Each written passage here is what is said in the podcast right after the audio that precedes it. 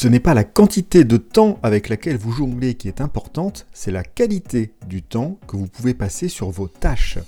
Bienvenue, vous êtes sur J'ai pas le temps pour ça, le podcast proposé par Eric Boucher. Je vous partage des trucs, des astuces, des outils, des méthodes pour être plus efficace au quotidien et terminer la journée plus tranquillement.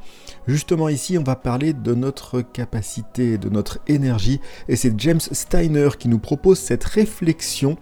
On n'est pas très loin de la loi d'Illich qui nous dit que l'efficacité humaine a tendance à diminuer avec le temps et ce que dit James Steiner pareil, c'est que nos niveaux d'énergie vont affecter notre capacité totale et qu'en l'occurrence nous avons une capacité qui a un maximum fixe, qui est le nombre d'heures dans la journée où on va pouvoir travailler de manière efficace. Et attention, dans l'efficace, il dit par exemple 3-4 heures de travail profond par rapport au temps qu'on va passer en réunion et autres. C'est pas vos 7 heures de présence au bureau, mais c'est vraiment le temps où je vais considérer que je vais être efficace.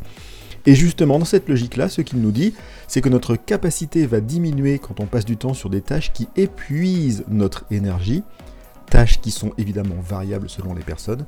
A l'inverse, notre capacité va augmenter quand nous passons du temps sur des tâches qui nous donnent de l'énergie. Idem, ces tâches-là vont être variables d'une personne à l'autre. Et donc pour mieux comprendre le lien entre capacité et niveau d'énergie, James Steiner nous propose d'enregistrer comment nous passons notre temps et comment nous nous sentons.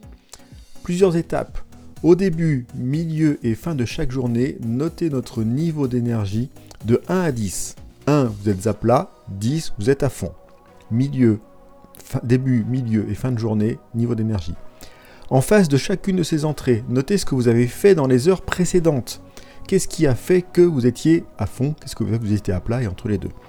À la fin de chaque jour, vous comptez justement combien d'heures productives vous avez eues. Et en fin de semaine, vous regardez tout ça et pour voir si vous pouvez y distinguer des tendances, des activités qui drainent systématiquement votre énergie ou des activités qui, à l'inverse, vont l'augmenter. Et puis la question que nous rajoute James Steiner là-dedans, c'est comment vous vous sentez en fin de semaine.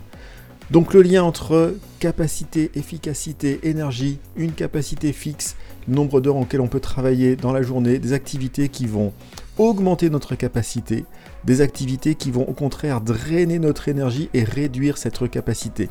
Vous observez, vous regardez les tendances, ce qui va permettre ensuite d'adapter éventuellement et de mieux choisir en conscience soit les activités que vous faites, soit le moment où vous allez les faire en fonction de vos niveaux d'énergie.